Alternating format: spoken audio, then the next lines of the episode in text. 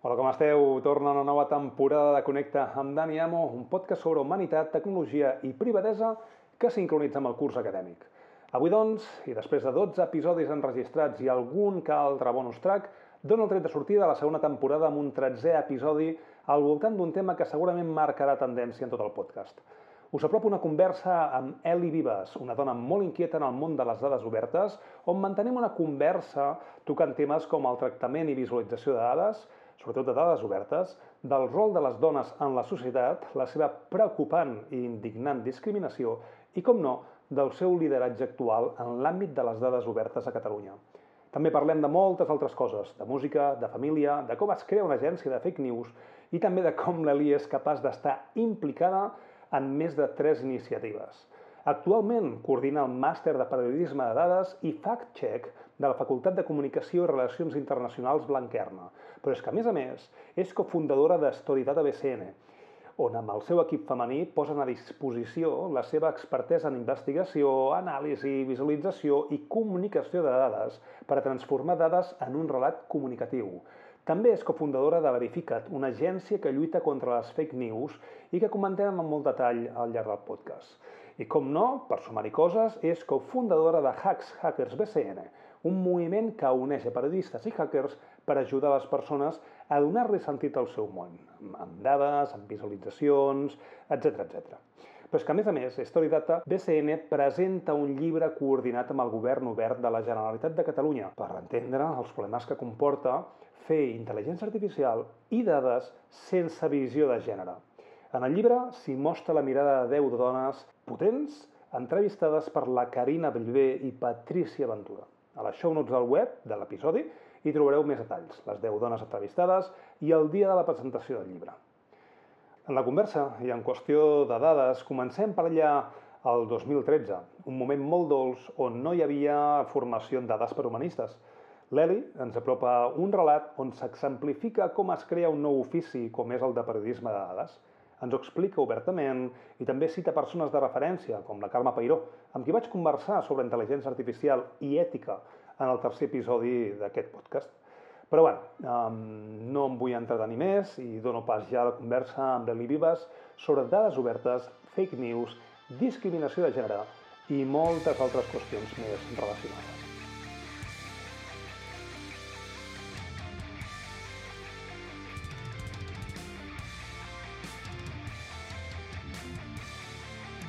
Eli, bon dia, com estàs? Bon dia, encantada d'estar aquí amb tu, Dani. Igualment, benvinguda a Connecta amb Dani Amo. Ja saps que això doncs, són converses d'humanitat, tecnologia i privadesa, de temes que ens inquieten. I aquesta temporada, aquesta segona temporada de, del podcast, vull fer incís sobretot a persones que estan fent força dins de Catalunya, més que res perquè mm, mentalment m'emmarco dins d'aquest esforç que està fent el, el govern amb aquests 10 milions d'euros apostant per intel·ligència artificial i fent observatoris i amb empreses eh, convergents i, i fent coses molt xules. I feia temps doncs, que us tenien al punt de mira.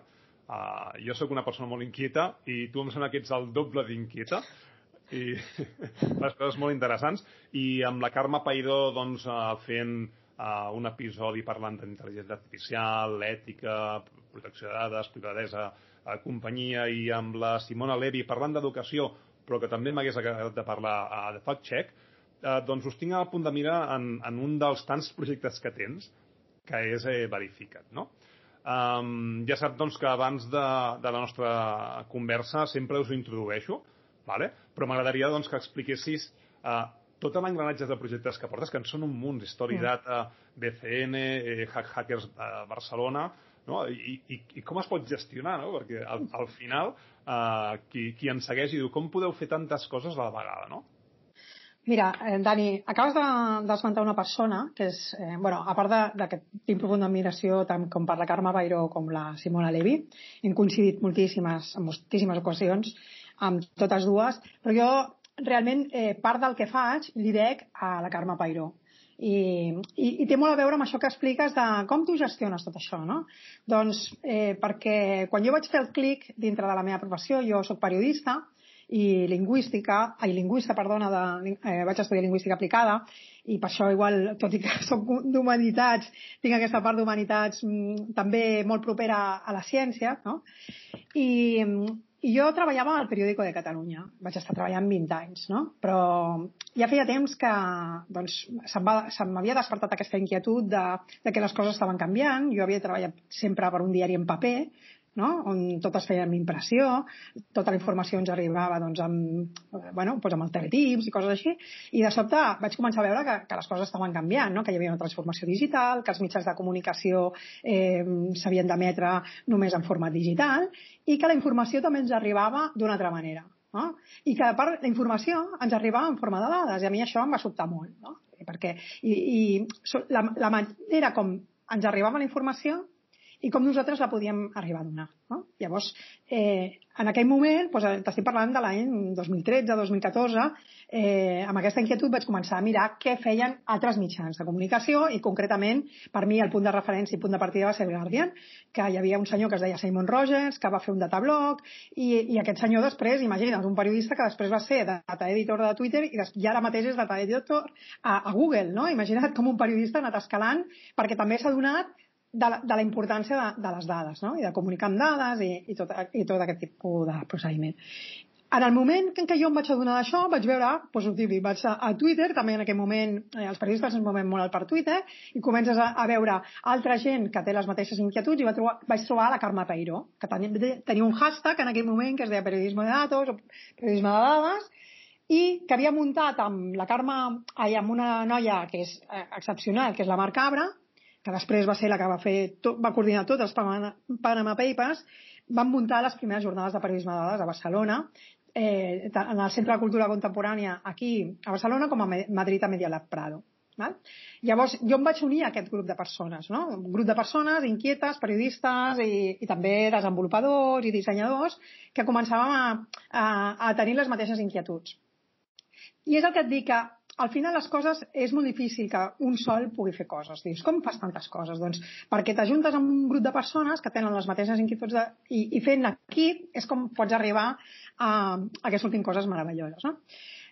A partir d'aquí, doncs amb la Carme, eh, ella va fer les jornades de periodisme de dades, al final, al cap de dos anys, o tres anys, no sé quantes jornades es van fer, jo també vaig participar en l'organització, en les següents, doncs eh, ella eh, la van nomenar directora de Nació Digital, aleshores doncs, no es podia fer càrrec i, i després també era una cosa voluntària, no? fer jornades on, on la gent tenia ganes d'aprendre, això no pot ser tret, no? perquè, perquè bueno, al final la gent ha de viure i ha de menjar, no? Llavors va ser quan, a partir d'aquí, eh, van fer agafar el relleu amb uns periodistes que sorgits de, de la jornada de periodisme de dades i van muntar Hacks and Hackers. Justament per això, no? perquè la Carme acabava i nosaltres volíem seguir aprenent, perquè no hi havia formació amb dades per, un, per, per humanistes. Ara mateix nosaltres comencem a fer màsters a les universitats, eh, en postgraus de periodisme de dades, de fact-check i de tot, però en aquell moment no hi havia res i nosaltres doncs, anàvem a fer doncs, vale, el tutorial, no sé què, però necessitàvem aqu aquesta autoformació i per això va sorgir Hacks and Hackers. Hacks and Hackers en realitat és una organització de periodisme i tecnologia que, que és internacional, està a tot arreu i jo amb un viatge que vaig fer a Buenos Aires vaig descobrir el Hacks and Hackers Buenos Aires, que encara es fa ara, i, i reunien com a 3.000 persones amb un, amb un centre impressionant, no? Eh, I fins i tot, a part, al·lucinant, perquè venien això, programadors, dissenyadors, per, per, internacional, de tot arreu, però me'n recordo, clar, Argentina és d'aquests països, doncs, que a vegades estan bé, a vegades malament. Doncs tot l'esdeveniment es va fer sense wifi, perquè va caure el wifi, perquè hi havia 3.000 persones i va caure, però es van fer igualment tallers, no? perquè doncs, hi havia informàtics que anaven repejant el wifi i anaven repartint, bueno, coses molt interessants. No? Llavors jo vaig quedar molt impressionada en aquell moment i vaig pensar, ostres, ho hem de fer aquí, i també doncs, ho, ho vam muntar amb, amb el Martín González, que era un noi molt jovenet que estava primer de periodisme, però ara mateix eh, amb 24 anys ja treballa al The Economist, ja l'ha fitxat, perquè va entendre precisament que, que a la carrera estava molt bé, però que s'havia d'embuir de tot aquest moviment i és un noi que amb, amb 21 anys estava a les jornades aprenent, va aprendre llenguatges de programació, va aprendre JavaScript, i ara mateix pues, treballar fent visualitzacions de dades amb D3, cosa que, que hi ha molt, tan poca gent no? que, que un xaval de 24 anys se l'han agafat eh, per treballar al The Economist fent visualització de dades. No? Amb el Martín González i amb una altra noia que, que és la, la, la Carla Pedret, que és una periodista que, estava, eh, que està treballant a la Corporació Catalana de, la ràdio i televisió, havia estat a, a, a, al canal 324 i ara està a Catalunya Informació i, va, i havia fet un màster també a, a Birmingham, també de periodisme digital i molt focalitzat en dades. No? I amb ells doncs, van començar a fer, doncs, a, a juntar programadors amb periodistes. No? I, i ens ensenyàvem a fer R, a fer visualització de dades, bueno, qualsevol cosa que pensàvem que podia ajudar a, a, doncs, a, a revolucionar una mica, no? perquè en realitat el que volíem era revolucionar. No? Eh, i, I a partir d'aquí doncs, vam conèixer, vaig conèixer moltíssima gent també, no? O sigui, fent esdeveniments de periodisme de tecnologia i et dic que ara eh, vam fer un diploma de periodisme de dades, la major part dels meus professors venen d'allà, de Hacks and Hackers, no? dels tallers que, que fèiem. No? Pues el professor d'estadística doncs, era eh, doncs, l'Eix Ruiz de Villa, que, que ha sigut data science, bueno, és, un, és un matemàtic que, que, que ha sigut el data science de l'avantguàrdia, també ha estat el líder, eh, doncs, doncs li vam oferir fer un taller d'R, vaig veure que era molt bo, llavors eh, ara és el nostre professor d'estadística, no? per exemple, al màster. I, i bueno, ja et dic que al final tots, tots els professors que tenim al màster de periodisme de dades i fact-check venen de, de tot aquest recorregut que van fer doncs, amb la Carme Pairó, amb les jornades de periodisme de dades, tots els periodistes que llavors no sabíem res, que hem anat evolucionant, doncs des de, jo què sé, doncs el, eh, eh, el Daniel Grasso, per exemple, que ara està al País i va començar el Confidencial, no? que està amb el Quico Llaneras. Doncs el Quico Llaneras també el coneixem de, de les jornades de periodisme de dades, no? a la gent de Datavista. O sigui, tota la gent que coneixem, o sigui, al final hem muntat una formació arreglada a la universitat, he portat a la universitat tot aquest bagatge que teníem, que era una mica sorgit de la necessitat d'aprendre no? i d'entendre de, entre nosaltres. De fet, els nostres professors a vegades ens diuen que voldrien fer ells mateixos el màster, no? perquè els professors són tan bons entre ells que sempre t'agradaria aprendre Clar. els uns dels altres. No? Clar. I, i així ho hem fet, no? Doncs aquest, aquest, aquest més o menys ha sigut la trajectòria, no? I a partir d'aquí doncs, van sortint doncs, evolucions a partir d'aquí, no? Pues, eh, M'interessava molt el periodisme de dades, la visualització de dades, però al final el periodisme de dades deriva molt amb el fact-check, no? Que dius, ostres, heu muntat verificat, no? Eh, doncs també ha sorgit mm, coses en, en grup, no? Jo donava una formació de periodisme de dades a, a periodistes a, tra a través d'una fundació que es diu Iniciativa Open Data, doncs vaig fer classes amb, amb doncs, unes periodistes que estaven treballant tant a l'administració pública com, com a mitjans de comunicació. No? I com vam acabar a la formació, doncs aquestes noies van dir, ah, va, vinga, fem un projecte, no? Eren una noia, unes noies així com molt impulsives. Vam fer un projecte i vam, ens vam adonar de la potència que tenia fer eh, comunicació amb dades, no? O sigui, perquè eh, les dades estan, hi ha molts informàtics que feu i us dediqueu a, a fer intel·ligència artificial, machine learning, tot, però eh, sempre falta com un pas d'explicar la història, no? explicar la història i d'aquí va sortir Storydata. No? I, i, i arrel d'aquí, de Storydata, doncs, amb, amb la Carina Bellbe, que avui no ha pogut venir perquè té un bebè que acaba de néixer, no? doncs teníem aquesta inquietud també de, de verificar el, el discurs públic no? a través de les dades. No? Ens, sempre, bueno, amb la Carina sempre parlàvem, no? doncs eh, volem veure si exactament allò que diu aquest polític és, és cert, no? i això amb dades es podria fer, no? I, i vam pensar de parlar doncs, amb, amb programadors i com amb machine learning això es pot arribar a, a, a averiguar. Llavors ens vam ajuntar amb un noi que es diu Lorenzo, Marini, que, que és, un, és un noi que llavors tenia una, tenia una plataforma que es deia YouCheck, no? que estava, ja havia acabat de guanyar també una beca de Google i per un, un tema que es diu MemCheck, no? per un desenvolupament. Justament, doncs, de fer també eh, recollir tot aquest text que arriba amb les fotografies i fer reconeixement de text i tot. Llavors vam dir, va, doncs anem a mirar de fer alguna cosa. No? Llavors ens vam ajuntar amb tres periodistes més que, estaven, que havien estat voltant durant 10 anys a Sud-amèrica i acabem d'arribar a Barcelona i tenien una mirada com molt neta de tot el que passava aquí i, i justament al moment de, pues, pues de les eleccions i, i vam pensar que seria un moment bo, eh, el 4 d'abril de, de l'any passat, per muntar una plataforma de verificació de dades a Catalunya, que no existia. No? Existia doncs, a nivell estatal, doncs existeix Maldito Bulo o existeix Neutral, no? I, i bueno, doncs vam pensar que no existia i que hi havia aquest buit i que, que s'havia d'omplir i, i que existia la necessitat. Llavors vam muntar doncs, amb, amb aquestes persones verificat fa un any amb una beca que, que vam sol·licitar, vam, vam començar a, a, a, a trucar portes i al final l'Open Society Foundation, sobretot, i després alguna baqueta d'ideograma també i després Blanquerna ens va ajudar a nivell logístic, doncs vam poder fer doncs, una prova pilot. Amb aquesta prova pilot ens vam estrenar a, a les eleccions municipals i, i bueno, va anar molt bé, va ser un èxit. Podem dir que, que, que vam provar i va anar superbé bueno, el primer dia que van sortir, doncs, no sé, jo mirava el Twitter Analytics i teníem uf, una porrada de visualitzacions, no? I ara mateix, en poc temps, doncs, tenim 8.000 seguidors, no? Que, que no, no està gens malament. I, i bueno, amb, vam fer aquella prova pilot i que eren molts, molt poquets diners, eren uns 25.000 dòlars, i amb això doncs, eren força gent, érem sis persones, més col·laboradors, el community manager, la persona que feia la web, però bueno, vam, ens vam sortir i, i després, diguem, havent fet aquesta prova Billbot, ens hem anat un altre cop a demanar diners i un altre cop la Point Society ha apostat per nosaltres perquè va veure realment que havia sigut un cas d'èxit i ara mateix a verificar li acaben de donar una beca també eh, l'International Fact Checking Networks eh, per fer un projecte per YouTube. Ah, val? Bona i, i ara verificat ja va, bueno, doncs ja, ja té fitxades a set persones, o sigui, no els socis, els socis fundadors, no? sinó que ha pogut agafar doncs, justament gent que ha sortit del diploma de periodisme de Blanquerna. O sigui, al final tot és com una, un reciclatge de gent que s'ha de preparar, s'ha de formar i, i, i, i fa falta d'aquests perfils. No? Aquest perfil és, és, Sí. El que passa que com, com es monetitza un, un projecte d'aquest tipus? És molt interessant, inclús teniu línia de WhatsApp i us poden enviar directament uh, dades, no? Com es monetitza uh, si no són beques, no? Al final la... seria una consultoria, entenc. Clar, el, els projectes de verificació de dades que existeixen al món, la majoria tenen un patró molt similar i, i normalment són ONGs o fundacions. És a dir, es converteixen en fundacions perquè això, a veure, al final és...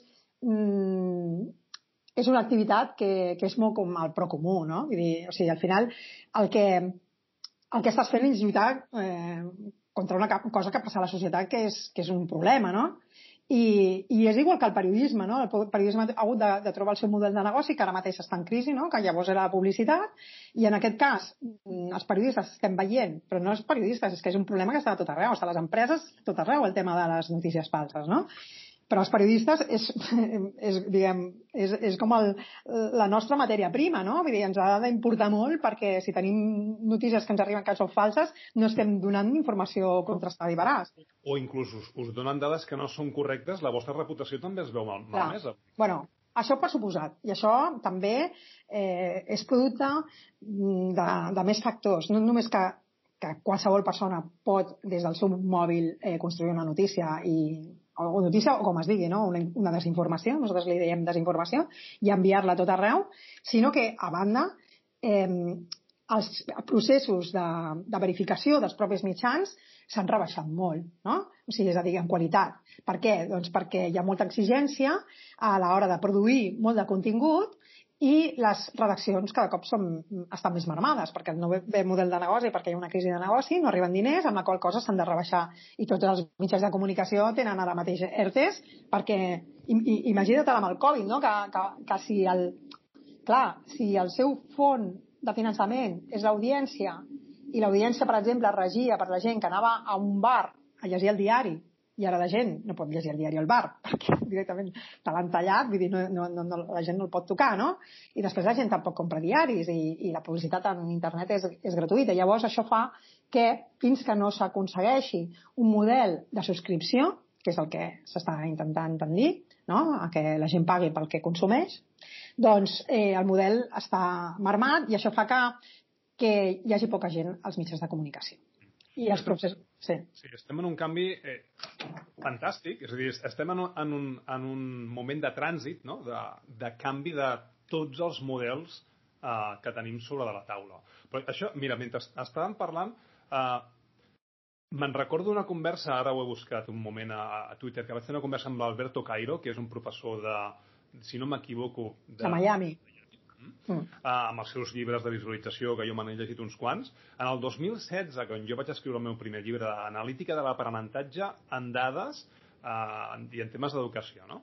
Uh, a punt de publicar el llibre, uh, ell em va comentar, escolta'm, seria molt interessant que es fessin cursos i llibres, i si tu el fas seria fantàstic, m'ho deia a mi, eh?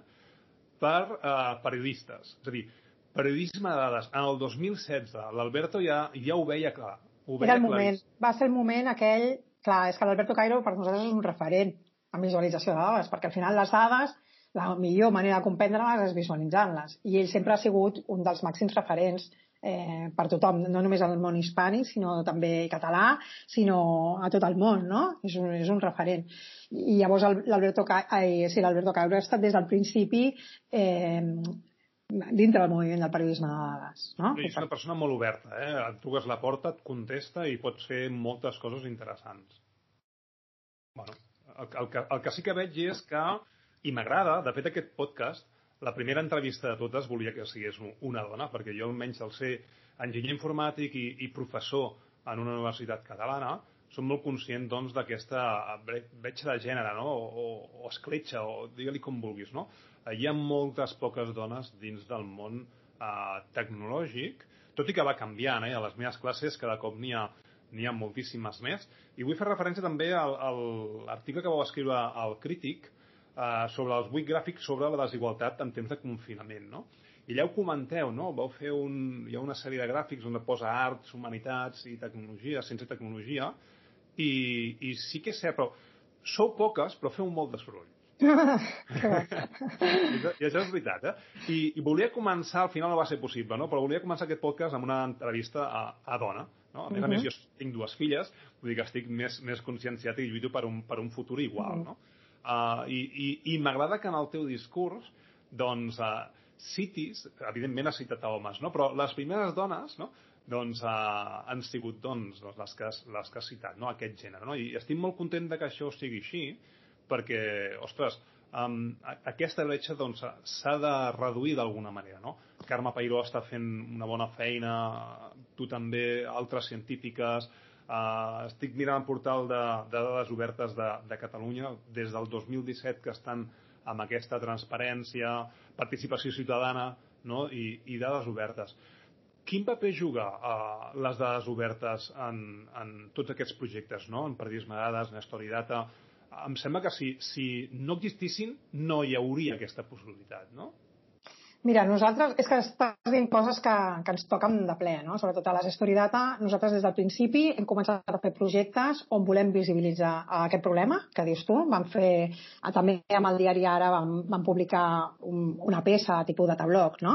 eh, sobre com les dones van abandonant el camí des de que són petitetes, no? en totes les etapes, des de l'educació infantil a l'educació secundària i després a, a, a la universitat i al final eh, als llocs de treball van, en, van abandonant la ciència no? o, o les, les carreres aquestes d'STEM. No?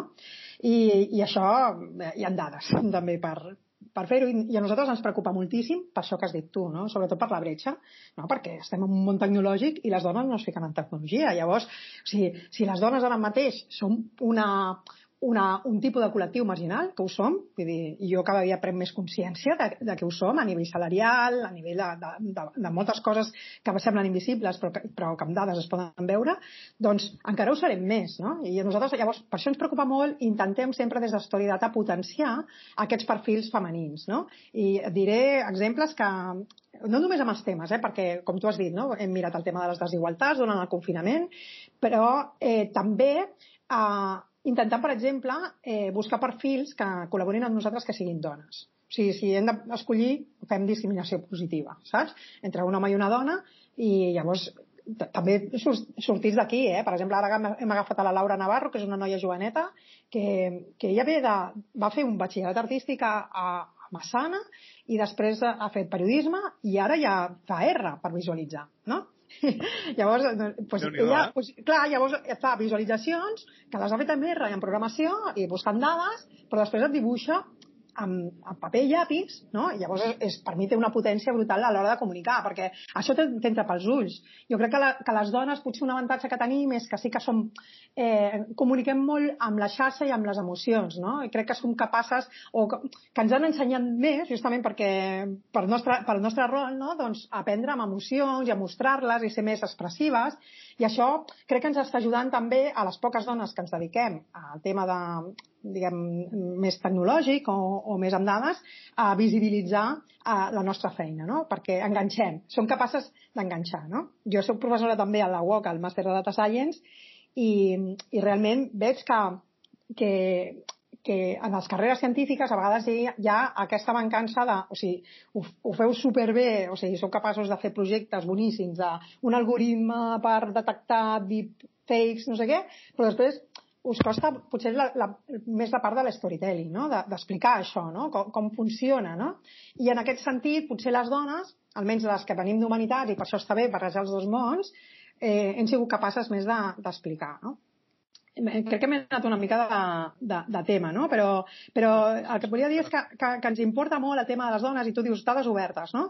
Justament amb dades obertes aquí a Catalunya, nosaltres vam començar amb les jornades de periodisme de dades a tenir contacte molt proper com va començar a sortir el portal d'Open Data a, a Barcelona. Vale? Llavors, en aquell moment, eh, hi havia pues, eh, el que és ara el, bueno, llavors era, no sé si encara era Convergència, bueno, era, però bueno, hi havia un altre partit, partit polític i també eh, la utilitat que es veia al portal d'Open Data era molt diferent a la que hi ha ara, no? perquè era més de eh, anem a obrir aquelles dades que siguin econòmicament rendibles. No? Me recordo que el discurs era aquest, no? i nosaltres els periodistes érem molt crítics, perquè nosaltres ens interessaven un altre tipus de dades, més socials, no? I, I això amb el pas del temps ha anat canviant. És veritat que no s'han obert moltes dades. Jo crec que a nivell de Barcelona queda molt per fer, però a nivell de, de, de Catalunya, el portal de transparència ara mateix jo crec que, que ha fet un salt superimportant i justament la, la secretària general de, de Transparència és una dona que és la Núria Espuny. Val? I qui porta el portal de dades obertes és, eh, és l'Àngels, que també és, és una dona, no? I, i, tot, I així són un equip format molt mixta, eh? perquè hi ha homes i dones dintre de... de perquè hi ha el, el Joaquim Dorda, vull dir, ja és un equip molt mixta, clar, i, eh, clar, exacte. Llavors, és homes i dones, però jo trobo que tenen molt clar, per exemple, que les dades han de venir amb, segregades per, per home i dona, no? I ho tenen claríssim, no? I ara mateix, eh, doncs, justament ens han encarregat a les Story Data eh, un llibre sobre intel·ligència artificial, dones i dades, on hem pogut entrevistar a 10 dones tant de l'àrea eh, més tècnica, doncs de robòtica, o l'àrea més eh, doncs de la societat civil, no? i de l'àrea més de l'administració, dones que estan involucrades en doncs, el procés d'obertura de dades o d'anàlisi de dades o d'utilització de les dades per eh, doncs, casos pràctics. No? I és super, super interessant veure com coincideixen totes aquestes dones en molts punts, no? Eh, jo crec que punts claus que, que bueno, us recomano perquè sortirà el llibre d'aquí molt poc. Ara fem la presentació al final que la faré jo amb, amb la gent de transparència.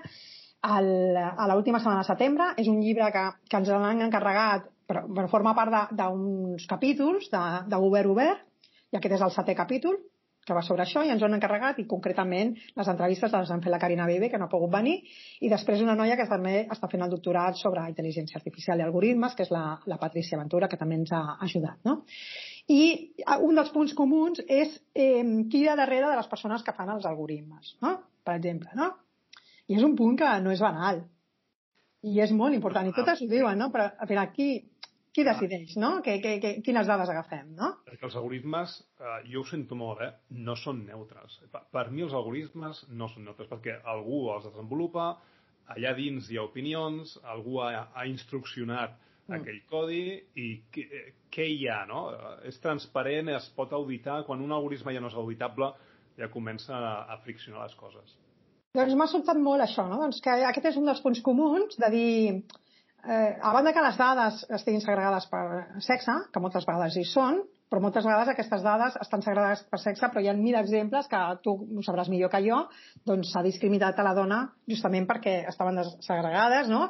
I, i, i per exemple, dones justament que no treballen en ciència, llavors se les ha discriminat a l'hora de, de donar-li feina, no? Perquè hi ha un algoritme que diu que... Eh, el d'Amazon mateix. El d'Amazon, no? Per exemple, l'algoritme d'Amazon, no? I, llavors és, un, és una de les coses que, que crec que aquest llibre pot ser molt interessant perquè es posa a peu, es posa l'enfoc sobre, sobre aquestes mancances i, i, i sobre el tema de l'ètica, no? de, de, de com, com fer que aquests, eh, diguem, eh, siguin el més neutral possible o no ens discriminin encara més del que ja eh, ens està discriminant la, la societat, no? O sigui, al final, doncs és que les dades doncs, reflexen eh, el que és la vida, no? I la vida Clar, és que al, al final el, els biaixos humans en són molts. Mira, me'n recordo d'un uh, article que va escriure la Carme Pairó uh, amb, amb un company uh, d'on posa tots els biaixos cognitius possibles, bueno, no tots, no n'hi ha, ha un fotimer, no? però els que afecten a totes aquestes dades. No? Llavors, clar, els que treballem amb dades, dades obertes o dades privades, és igual, hem d'anar molt en compte, perquè hi ha, hi ha moltes premisses a, a, a tenir en compte per no deixar-se res. Vosaltres, quan, quan treballeu amb aquest tipus de, de dades, um, teniu alguna espècie de checklist? O, o ja és un codi que porteu dins inherent uh, quan feu anàlisis de dades? Per Home. exemple, dir, tingues en compte que no hi hagi discriminació en les dades, tingues en compte que no s'agregui poblacions en risc, tingues en compte que no sé què. Bueno, nosaltres treballem amb dades obertes i a vegades treballem amb dades que nosaltres descrepegem i, i bueno, amb el que tenim a mà. Val? Treballem amb tot tipus de dades. I al final el que fem és una anàlisi intentem apropar-nos el més possible a la veritat. No? Llavors, una, un dels problemes que ens trobem és que a vegades les dades no estan desagregades per sexe i llavors nosaltres ho hem de fer. No? I, o sigui, quan, quan és possible, perquè no sempre és possible, però estic pensant en un cas que vam fer eh, que no ha, sur sigui, ha sortit de la llum d'un altre enfocament, però nosaltres la vam desagregar. No? Per exemple, eh, va sortir, vam fer un treball amb el diario.es sobre els sous dels treballadors de TMB, que va ser molt sonat perquè, bueno, pues, bueno, perquè es va fer una petició de transparència i va costar molt aconseguir-la i bueno, va fer l'Arturo la, Puente i, i la va guanyar al final, no? I bueno, era, nosaltres vam fer la feina doncs, de, de poder creuar les dades però clar, ens van donar doncs, per un costat el nom, per un altre costat la categoria, bueno, vam haver... Però una de les coses que no estava feta era segregar, segregar aquestes dades per sexe, no? I, i, i això, doncs, a vegades ho hem de fer doncs, mirant eh, doncs el nom, com que tenim el nom de la persona, perquè en aquell moment és un, és un organisme públic i, i es van demanar les dades, doncs almenys ho vam poder fer. No? Doncs intentem doncs, revelar el que no es veu, no? O sigui, és un tema, per exemple, nosaltres tenim aquesta base de dades i no l'hem explotat. Però, per exemple, aquí es podria veure perfectament, i nosaltres ho hem vist i no, encara no ho hem mostrat, que les treballadores de la TMB guanyen menys que els homes, per exemple. No?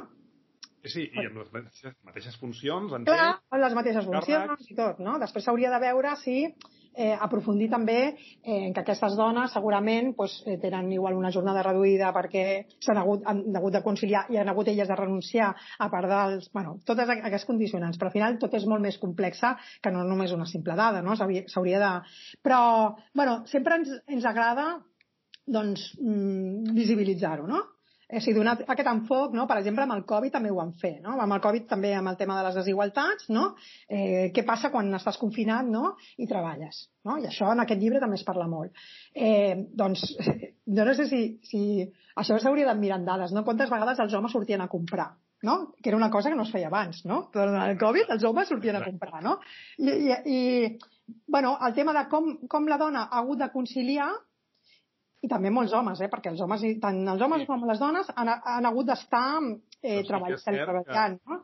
El tema de, de recerca, que a mi em toca molt, molt a prop, um, s'ha vist doncs, que els homes han pogut continuar d'alguna forma uh, publicant, Exacte, i, i, la, i les dones no. En el meu cas, mira, la, la, va ser al revés, eh? la meva dona va anar a treballar físicament mm. i jo treballava i tenia les filles aquí. Eh? Vull dir, hi, hi ha casos, però en general sí. és cert doncs, sí, S'estan fent enquestes, això ho veureu en el, en el llibre, s'estan fent enquestes des de, des de diverses mm, àrees, no? de, doncs de, des de l'Institut de, de la Dona i des de diverses àrees sobre el tema del teletreball com a afectat. No? I el que s'està veient és que al final les dones tenen moltes tasques eh, que, que assumeixen elles i que han hagut d'assumir la tasca del treball no? i començar a treballar quan els nens anaven a dormir o treballar doncs, amb molts dèficits i els homes han pogut continuar amb els seus horaris. No? O sigui, el patró de les dades, almenys amb enquestes, no? perquè això només es pot veure amb, amb enquestes, o sigui, amb dades més eh, qualitatives, i, i s'està veient què és això, no? I coses així curioses, no? Que els homes no van, no anaven a comprar i ara sí que van molt ja, més, però forma part també de, de la, buscar la llibertat, no? De Exacte. sortir una mica de, de casa, bueno, no? Hi, hi, hi havia aquí, mira, la, la meva dona treballa en una protectora eh, d'animals i, bueno, no, no dic que, que sigui el cas de la seva protectora, no? però persones que adoptaven gossos per poder sortir a passejar, no? Vull dir, coses d'aquestes. Ah, persones que ara fan el pa a casa seva, no? Uh, es va esgotar doncs, tot el llevat, tota la, tota la llevadura no? doncs, uh, fresca, seca de tot perquè començaven a fer. Han canviat els hàbits. De fet, estic molt content de que hagin canviat els hàbits perquè des dels 70 més o menys, 60-70, amb la introducció de la ciència a l'agricultura ramaderia, doncs tota l'alimentació s'ha anat a prendre uh, pel sac d'alguna forma, és a dir, uh, estem menjant molt malament, això és, és interessant fer un estudi en aquest sentit, perquè eh, hi ha hagut un canvi de volta i ara cuinem més. I estem tornant com als anys 70 i 60, on anàvem a, a comprar més sovint i, i ens passàvem més estona a, a la cuina. A més a més, a, amb podcast, amb vídeos, amb, amb mèdia que hi ha a internet, és molt amable ara cuinar. Abans potser era més avorrit, no? Perquè estaves sol i potser tenies la ràdio i el que et donava la ràdio eh, era el que tu escoltaves, no? Ara tens eh, vídeos sota demanda, contingut, i potser és més apassionant eh, el, el fet de, de cuinar, no? Vull dir, saps allò de, de no hi mal que por bien no venga? Evidentment, eh, ostres, eh, tant de bo no hagués passat el que, el que ens ha passat, no? Però han canviat moltes coses i, i és interessant doncs, veure-ho reflexit, reflectat amb, amb dades, no? Tal com dius tu. Sí, segurament, si es fes una anàlisi segurament de tot el tema foodie a través de hashtags, a través de les xarxes, eh, això s'ha bueno, magnificat d'una manera increïble i els hàbits són una de les coses que es poden mesurar també, no? Perquè estem constantment eh, exposant la nostra vida a través de les xarxes socials okay. i, i, i realment sí que es pot fer un estudi claríssim de, dels nostres hàbits durant el confinament. Sí, sí. Jo també, jo també sóc de la, del parer que, que els, nos, el, estem juntant dos mons molt curiosos, no? que és el de estem hiperconnectats, hipertecnologitzats, fins i tot els avis, vull dir, o sigui, eh, s'ha ampliat la, a, a generacions molt àmplies, però, en canvi, és veritat que estem tornant a moltes coses d'origen, no? Pues el, els valors de la família, no? Perquè no tenim un altre... No? Eh, pues això... El, el, el, Hem aconseguit apreciar, no? sí. apreciar el que tenim al nostre entorn que abans havíem normalitzat, perquè al final és que ens despertem, ens arreglem, fem el dinar o l'esmorzar, anem a treballar, ens passem 8 hores a la feina i tornem, no? Llavors el que vols fer és com escapar de tot aquest entorn. I havíem entrat com a aquesta espècie de bucle no? d'iteració de, de treball escap, treball escap, uh -huh. no? I era com molt... Aprofitem el me time, no? el, el meu temps personal per sortir i trencar doncs, amb aquest entorn uh, laboral. Que a mi el meu entorn laboral m'encanta, eh? Vull dir, jo, jo, jo haig d'escapar per donar-me una, una mica de tranquil·litat, perquè sí. si no seria com, com obsessiu. No perquè no m'agradi, sinó perquè molt t'agrada, no? O sigui, bueno, això és, és, una, és una gran sort. Jo, jo, jo, jo crec que sí, jo, jo també he intentat durant els últims anys anar cap a, cap a aquesta via, no? Doncs a fer o viure d'allò que, que m'apassiona, no? Que ens agrada, no? Però clar, hem, hem valorat ara les relacions personals properes. En comptes d'enviar un WhatsApp, doncs et, et truques, en comptes de fas una videoconferència almenys et veus, no? Ara que pots, doncs, eh, vas a veure amb totes les proteccions i les distàncies o, o el que sigui, no? Però valores molt més uh, la vida de, de. Ets més conscient... Ja ho valoraves, no? Però uh -huh. ets més conscient de la importància que té i de com de banal són moltíssimes coses. Mira, per exemple, en, en la nostra vida familiar uh, estem tendint cap al minimalisme. Absolutament, perquè et dones compte de que bueno, t'has passat com dos mesos tancat a casa i en realitat hi ha moltes coses que no necessites tens més diners, tens més qualitat de vida, fas altres coses, la gent ara comença a valorar els, a valorar els esports. Jo sóc esportista de, de, sí. de mena, eh? Dir, he fet triatlons, de fet aquí al costat ja veus que tinc el, el, el, el seient de la bicicleta eh? i tenim el rodet i, uh -huh. i em fem moltíssim, no? Faig ultratrails, he fet triatlons, faig moltíssimes coses. I el que m'he donat compte és que uh, la, no l'amor cap a la naturalesa, sinó cap a les ganes de gaudir o de viure la naturalesa s'ha incrementat moltíssim. Uh -huh. a, a platja, quan vaig a nedar, hi ha moltíssima gent uh -huh. amb el neoprè nou que està sortint fileres uh -huh. de, de, de gent. A les muntanyes sembla les Rambles de Barcelona. És molt... Però des de les 7 del sí, matí Sí, és, sí. És, és molt bé. És curiós perquè, a part, que és un hàbit que hem adquirit durant el confinament i quan hi ha, hagut, hi ha passat el confinament, Eh, jo he vist davant de la platja també i veig aquí el passeig tinc, i, i s'ha continuat, o sigui, aquest hàbit a les 7 del matí tot, o sigui, que abans no ho veies, mm, surts gent a córrer, hi ha gent nedant. I és veritat que, eh, que hem agafat aquest gust per la natura, els joves també, que els hem tancat totes les discoteques. Jo, doncs ara, les discoteques són davant de casa meva a la platja el dissabte per la nit. Jo ja t'ho dic, eh, perquè a vegades he hagut de trucar a la policia. Perquè, que se perquè ja... que el botellón, que ja estava prohibit, ara el tornen a prohibir, Home, però al final... Ja, clar, és que ara, ara els joves, la, la seva manera de trobar-se als parcs i, bueno, que em sembla o sigui, també una, una cosa bonica, no? Que, que no tancat, amb bomba, bomba... Bueno, no sé, tots hem passat també per aquí, no? I, i és una època que, que amb ells eh, els hi estem com tallant, no? La nostra vida és més llarga, però amb ells els hi estem tallant. A més, és un punt important. Vull dir, sí, en, en certes important. edats és un punt important de socialitzar, aprendre moltes coses i sobretot relacionar-se, no? Relacionar-se via WhatsApp en aquest sentit o Instagram, que potser mm. no, és, no, és, no és el millor, no? No, tenen moltes ganes de veure's i també és un problema pel tema de, del Covid, no? Eh, pues que, pues que la gent jove doncs, no acaba d'entendre, no? I els agrada també eh, rebel·lar-se contra tot, doncs, de no respectar eh, les mínimes normes no? que, que ens han demanat que, que acceptem, no? Però bueno, jo també trobo que hi ha coses bones. Aquí crec que la, la màxima dificultat és la crisi econòmica que, que ens ve a tots, bueno, o que ve, ve a nivell mundial, però que podem treure moltíssimes coses positives però també crec que una de les eh, col·lectius malmesos, a part de... Eh, són les dones. sí, sí. no, no, no, no és, és, dir, eh? és, és així, eh? Vull dir, um, uh, vaig llegir un estudi uh, on la Carme Pairó va participar eh, sobretot fent difusió dins del projecte, eh, en, aquestes gràfiques de maltractament de dones. També, eh, també. I, i fa molt. Sí, sí. Ah, sí, sí, sí, molt, sí. Molt, molt. Bueno, aquest és un dels temes també que ha sortit, que justament eh, s'ha aconseguit que eh, obrissin les dades de les trucades d'emergència per violència masclista.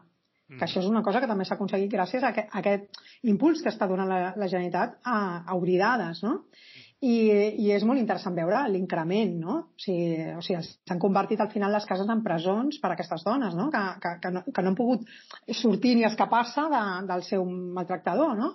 He tingut, he tingut casos eh, propers amb, amb històries esfereïdores. Mm, Història, clar. en aquest cas esfereïdora, no?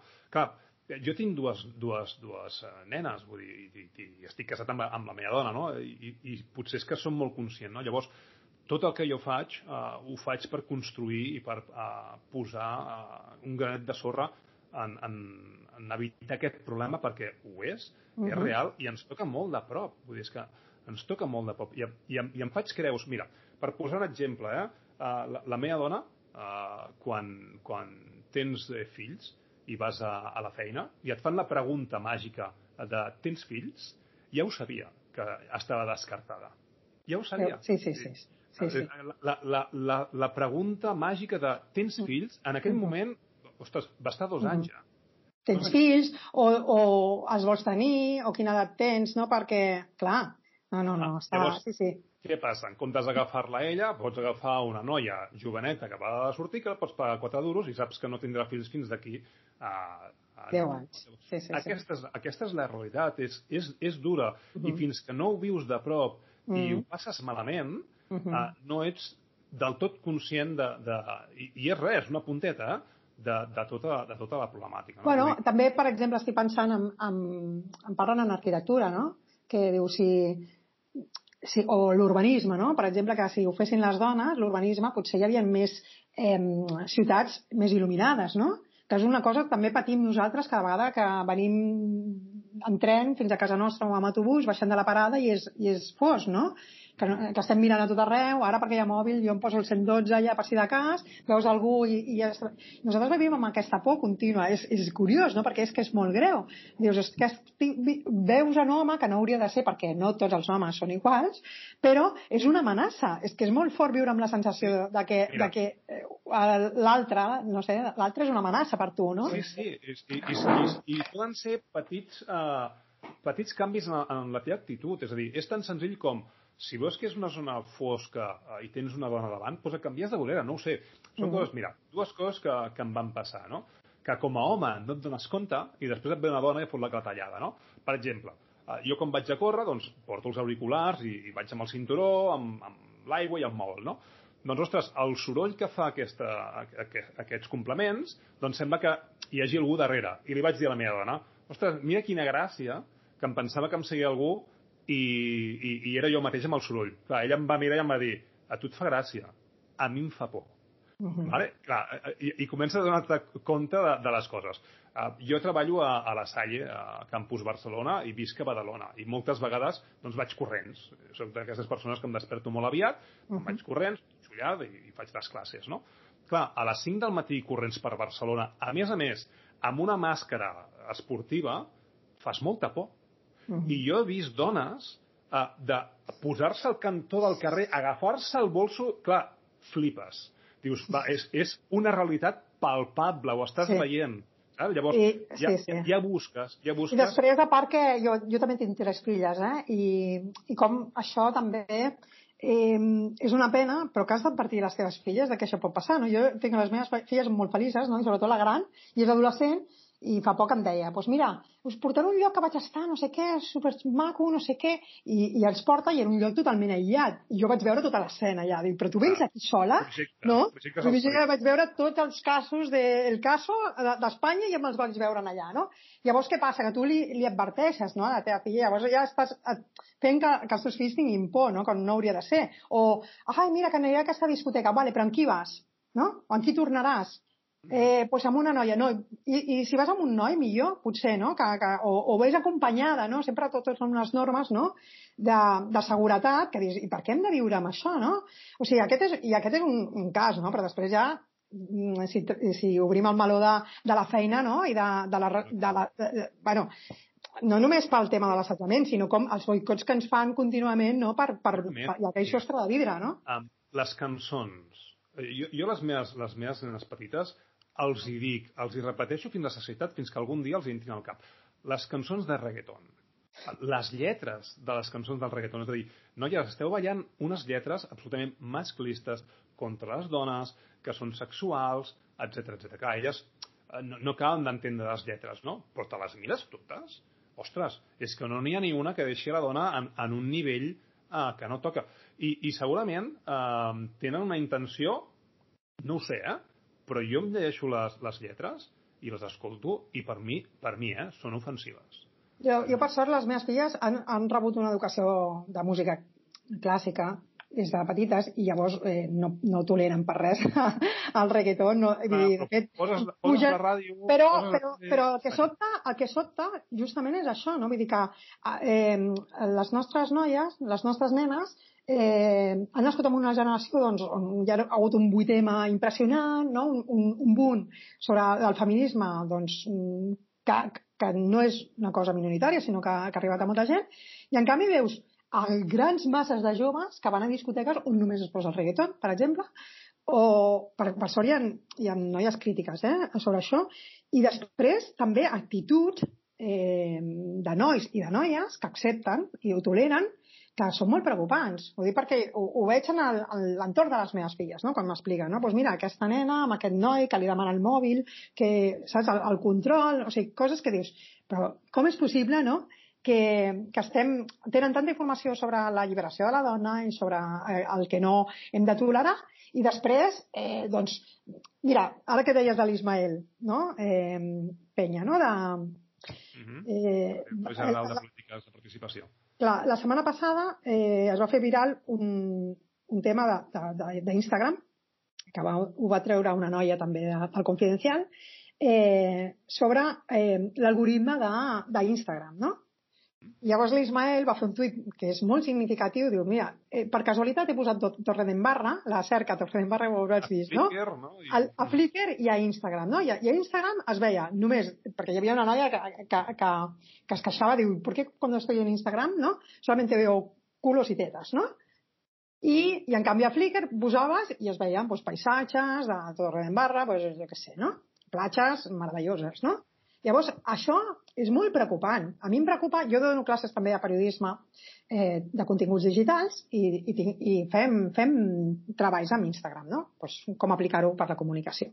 Llavors, pues, tinc accés a molts Instagrams, jo els dic als meus alumnes que si volen es poden fer un compte fals o si no, pues, el seu propi. No? Llavors segueixo i en segueixen molts alumnes. I, i, jo, a mi em preocupa molt eh, l'ús que fan les joves i els joves d'aquestes xarxes socials, perquè mm, també, vull dir, que, que al final dius, ostres, està molt bé que la dona mm, vull dir, això que diem, no? Estem amb la ratlla aquella, no? Per una banda hem de dir eh, puc anar com vulgui, no? Vull dir, eh, una dona pot vestir-se com vulgui, però una altra cosa és la hipersexualització de les noies ah, joves. Totalment. Però des que són eh, super nenes, no? Vull dir que eh?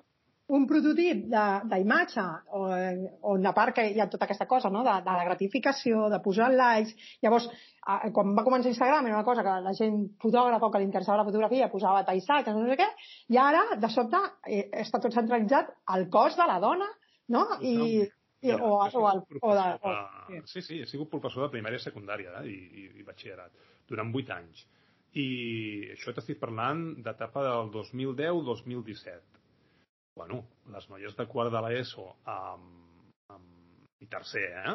amb Instagram, eh, les veus d'una forma en físic i quan veus a Instagram el que pugen, busquen la forma perfecta per ensenyar més carn, aquell filtre ideal que no se'ls vegi la panxa, és eh, passen de modelos eh, per rebre els més likes possibles. No? Però aquí això torna, crec, a tenir la responsabilitat doncs, els que fan els algoritmes, no? perquè al final estan premiant i, i quan tu fas allò, recomanacions de publicacions, o sigui, ja t'estan ensenyant això, que això és el que té més likes, no? però perquè ells ho mostren. No? I qui hi ha darrere d'aquest algoritme? Segurament un home. Segurament, segurament. Sí. Mira, ja, jo tinc la, la teoria de que al final no hi ha un culpable. Els alemanys, um, ho, ho teníem molt ben pensat en l'Holocaust. Eh? Llavors, no hi havia ningú responsable final de la mort. Per què? Perquè un et portava les bombones, l'altre et tancava la porta, un li donava un botó, l'altre li donava una manivela, i hi havia aquesta eh, responsabilitat segregada que es diluïa, no? Llavors, eh, estic molt convençut de que actuen d'aquesta forma. Un fa una part, un fa l'altra, i entre tots acaben fent un, un, un nyap, com Instagram, que al final per la societat no, no és bo. Això s'ha de combatre, entenc, amb dades, amb històries, i quan més visuals millor. Hi ha, hi ha, hi ha un tema de la visualització de dades que, clar, um, hauríem de fer, crec, eh, un pas addicional per arribar a, tot, a, a tot aquest, eh, aquest sector social, no? en el sentit de que veure un sector, un, un gràfic de sectors, un gràfic de barres, amb una línia de temps, això requereix una data literacy, és a dir, necessites una alfabetització de dades per entendre-ho i extreure-ho. Si no, tens la descripció a sota del gràfic o a sobre que t'està doncs, explicant. Clar, un jove d'avui dia que té tants inputs, eh, d'alguna manera haurien de fer possible, o amb vídeos, o amb imatges, o inclús a Instagram, alguna cosa, de que això fos molt, molt gràfic i que no es necessiti aquesta uh, alfabetització digital, no? Per, per comprendre què t'estan explicant. És, és una tasca complexa. Perquè, per exemple, en, en, en professors, eh, inclús universitaris, un gràfic senzill a vegades costa d'interpretar, imaginem-nos doncs, la joventut que no està ni per aquests temes. No? Eh, penso que hauríem de fer una, una volta de pensament per mm. poder fer arribar tota aquesta informació mm. en aquest jovent. No? Sí, ara s'estan fent iniciatives superinteressants. Per exemple, jo porto dos o tres anys participant en una cosa que es diu el Repte Big Data, que organitza eh, Educaixa. Llavors es fa, és un projecte que es fa amb instituts on se'ls se posa un, un, uns, uns, objectius, no? I bueno, van treballant sobre el tema de les dades obertes, eh, com, com descarregar-se dades, com fer tractament i com fer visualització. I al final han de fer un reportatge a periodisme de dades i, se, i, i el Challenger consisteix que pues, els instituts que diguem, queden seleccionats doncs va, fan una estada de dos o tres dies junts fan, amb els equips per instituts i qui guanya doncs, se'n va a Silicon Valley, per exemple. No? Jo l'any passat, que vaig jurat, perquè després ja he sigut mentora o he sigut eh, pre, eh, bueno, en diferents fases, però l'any passat vaig eh, votar justament per unes noies jovenetes i se'n van anar a Silicon Valley i vaig pensar aquestes noies, potser alguna, gràcies a això, es dedica a la ciència, no? I, i llavors em va sorprendre perquè el, el primer any que vaig participar vaig veure que no, que no tenien aquesta alfabetització, com tu dius, i que cal fer-la perquè doncs, bueno, unes dades d'un diari i amb això ho reproduïen el gràfic, però ara ja ja, tenen, ja saben anar, o sigui, el programa ha evolucionat i ja saben descarregar-se unes dades, ja saben el que és un CSV, com interpretar-lo, no? I veig que és veritat que cal. I veig que ha, també la Open Data Barcelona està fent coses amb, amb, amb xavals, perquè és veritat que si no, després es, una, una de les eh, noies entrevistades deia que, que el tema de les dades es, es converteix en una cosa d'èlits, no? Mm. I, i, I podria ser molt més fàcil també si les plataformes que fem servir tenen com una experiència d'usuari, trobo, més amigable més propera a la ciutadana. Estic pensant, per exemple, amb, amb els portals que hi ha al Regne Unit. Eh, saps que el Regne Unit, per exemple, té dades d'educació obertes, vull dir, pots a, a, arribar a saber cada institut eh, perquè t'ha vingut un inspector i ha mirat tot el que passa allà i t'ho posen en obert, no? No sabia. Uh -huh. Sí, sí, és, és increïble, no? Jo, jo també dono classes amb un màster de disseny de la informació, l'ISABA, i els hi faig fer l'exercici de comparar les dades d'educació eh, amb un portal d'estadística de, d'Anglaterra i un del seu país, no? perquè a vegades venen de Colòmbia, de Perú... De... Sempre eh, la gent a, a, al Regne Unit, vull dir, ho fan molt millor i, i té moltíssimes descarres i moltíssimes visites, perquè a part ells donen les dades, a part de... A ells, els, els anglosaxons els agrada molt fer els rànquings, no? Quin és el millor, no? I per això necessiten moltes dades, no? Llavors, doncs, tenen les proves, com si fossin aquí les Pau, doncs les podries mirar institut per institut. Qui no vol veure això, no? És que al final també són quines dades poses que puguin interessar a la ciutadania. Clar, si poses dades de... No ciutadania sé, pròpia i de fora.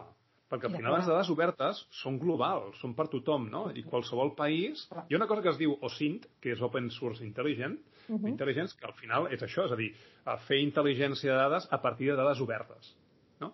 Uh, I això se n'aprofiten uh, hackers, organitzacions uh -huh. governamentals d'altres països. Vull dir que uh, quan fas una, una aposta per dades obertes, com, a, com ha fet el govern de Catalunya des del 2017 que tenen uh, aquests tres portals, no? bueno, de fet quatre, no?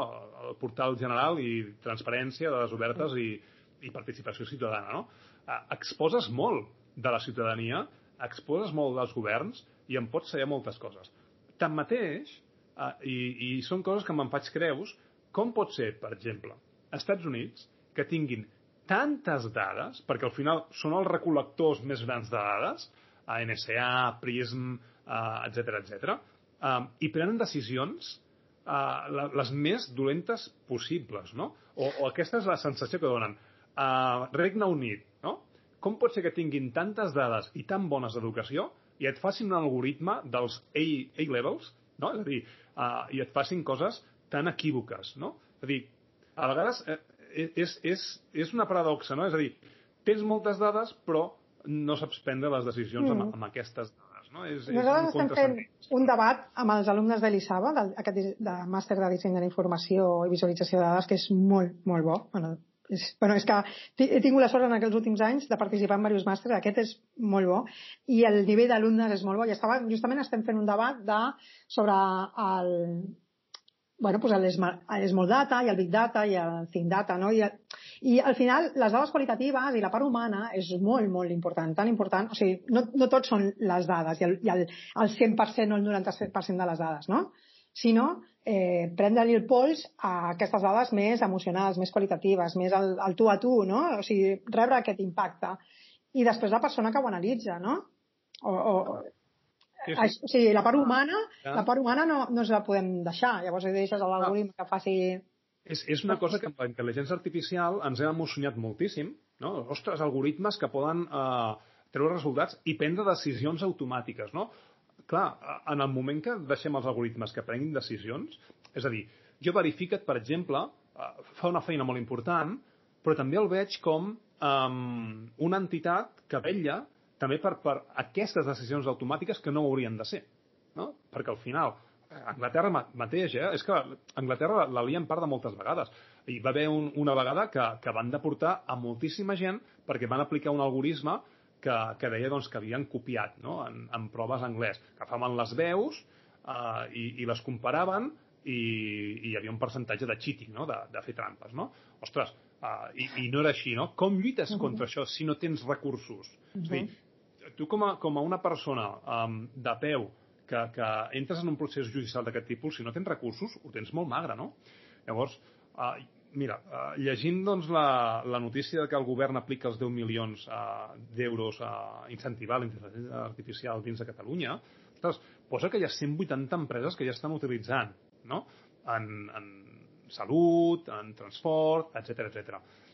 Ostres, um, que un tren autoconduït doncs, uh, pugui prendre decisions, vale, uh, pot estar molt bé, però en salut, depèn de quines decisions, és molt complex, no? Mm. Llavors, a vegades ens emocionem moltíssim i està bé explicar amb dades no? I, i, i exposar doncs, que no té, tot és hora el que rellueix. Vull dir, el matching learning, eh, totes les xarxes neuronals i decisions i tal, està molt bé, però és el que diem sempre, no? Darrere d'un algoritme hi ha una persona i si no li posem el valor humà, això eh, es perd, es dilueix. Jo crec que la intel·ligència artificial de moment ha de servir doncs, per ajudar, no? O sigui, ha de ser una eina més però és, en salut ja ho diuen també, no? que hi ha prediccions que, que els algoritmes són capaços de detectar unes coses i el metge expert unes altres, i al final, quan sumes eh, doncs, l'eficàcia d'un més l'altre, al final tens potser un percentatge més elevat d'encert, no? I, doncs, o, o com aquesta, eh, aquestes, eh, aquests robots no? doncs, que ajuden, per exemple, a fer feines rutinàries. No? Doncs doncs fantàstic, no? perquè estàs traient aquesta feina més tediosa no? a un humà que, que ha tot el dia pensant, no? però sempre sobre, sobre la supervisió no? i d'un humà. Però bueno, eh, jo, jo, jo no soc negativista eh, de cap mena, al contrari, i a mi m'agrada molt la tecnologia, però sempre crec que, que no hem de deixar la part ètica, crec que la part ètica és hiperimportant, no? Eh, abans de fer res. No? Sí. O sigui, hi hauria, crec, d'haver més, més assignatures d'ètica doncs, a les carreres científiques uh -huh. I per, per tenir clar no, què estem fent. No? Això ja ho sabem, els que ens dediquem a les dades estem... Jo sempre estic mm, dubtant no? si, eh, fins a quin punt arribo, no? si això són dades que han de ser anònimes, si no han de ser... O sigui, sempre et trobes amb el, amb el punt de la privacitat, també. No? Llavors, doncs, eh, el dilema ètic amb les dades i amb la intel·ligència artificial sempre hi ha de ser i s'ha de posar en, en un punt central. No? Ah, és que no, no hi ha un codi ètic, un codi hipocràtic com poden tenir els metges, no? Um, aquí agafem, tirem pel dret en tecnologia, la regulació està a 20, a 20 anys llum, mm. la tecnologia va molt per davant, i, i aquí va molt d'acord amb, el, amb la filosofia del CEO, de, de, del jefazo que té aquella entitat. Mm. No? Llavors, acosta, no? Mark Zuckerberg, per exemple, no? És Clar. a dir, tot comença des de dalt dir, i, i, i baixa, no? Hi ha una frase que, que defineix aquest podcast uh, i potser podríem anar fent, fent una, una tancada sense abans demanar-te una cosa, um, que és eh, sí a la tecnologia, no a la simetria de poder. Per què? Perquè, ostres, la tecnologia no la podem obviar, és el que ens fa eh, que siguem humans, no? ens defineix la tecnologia, no?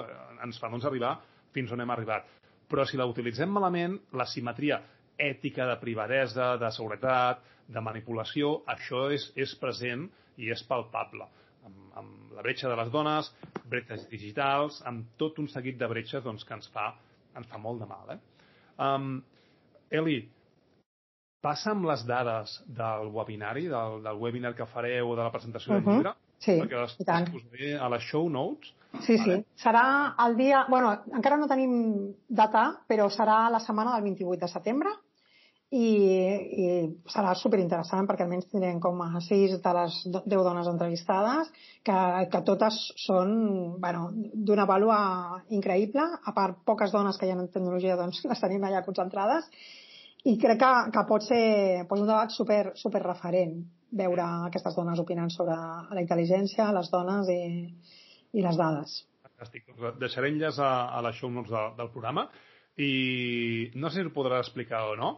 Uh, quin és el projecte que ara esteu uh, treballant i que, i que creus que, ostres, tindrà un cert impacte o fa especial il·lusió, no?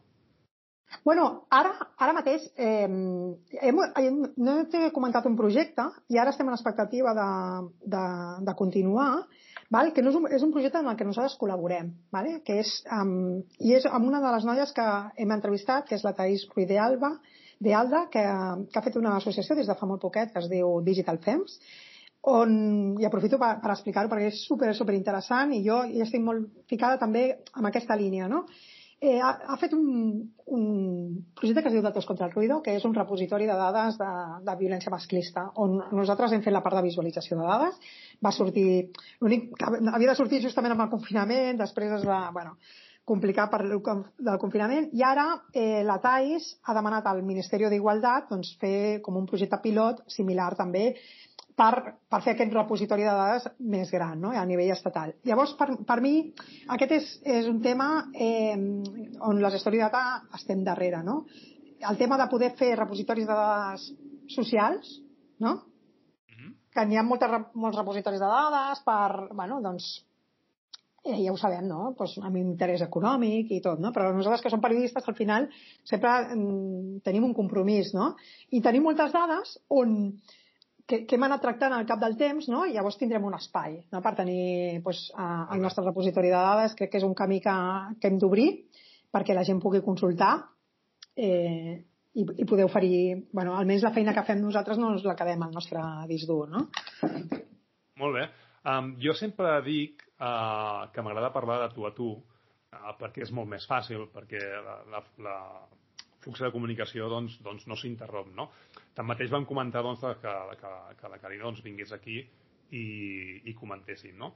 Potser, i aquesta és casa teva, eh, casa teva i de, i de les teves uh, companyes i, i, co, i co-col·laboradores, um, potser seria interessant, inclús un cop estigui publicat el llibre, doncs unir-nos totes no? i fer una xerrada grupal i, i comentar. No? I al final doncs, difondre el llibre, difondre mm. storytelling amb dades i donar també veu a totes aquestes 10 persones que, dones, eh, que han, diguem-ho, no? A vegades són aquestes coses, no? És a dir, persones, no, dones que, que han participat en, en, en el llibre, no? Penso que pot ser interessant. Fantàstic. Nosaltres volem agrair també al, a la Direcció General de Transparència eh, la iniciativa. Trobo que, bueno, que, que és on s'ha de posar el, el focus i ha sigut un gust poder participar amb ells en, en l'elaboració del llibre. Sí. Molt bé. Bueno, molt bé. Fantàstic, doncs enhorabona, Eli. La veritat és que no pares, m'alegro moltíssim perquè per la societat ens va molt bé que hi hagi persones com, com vosaltres, no? I, I dones que esteu al peu de canyó per lluitar contra, contra tota aquesta bretxa uh, de gènere que és uh -huh. important i hem de conscienciar. Gràcies pel teu temps, ha sigut una hora intensa, hem parlat de tot, sí. des, de, des de vida familiar amb dades i, i, i política, no? que és el que, sí. el que ens agrada. Uh, tornem a contactar, si, si t'agrada, doncs, doncs comuniquem i expliquem les coses amb dades i donem més exemples, d'acord? Perfecte, moltes gràcies, Dani. Molt bé, gràcies a tu, Eli. Fins la propera.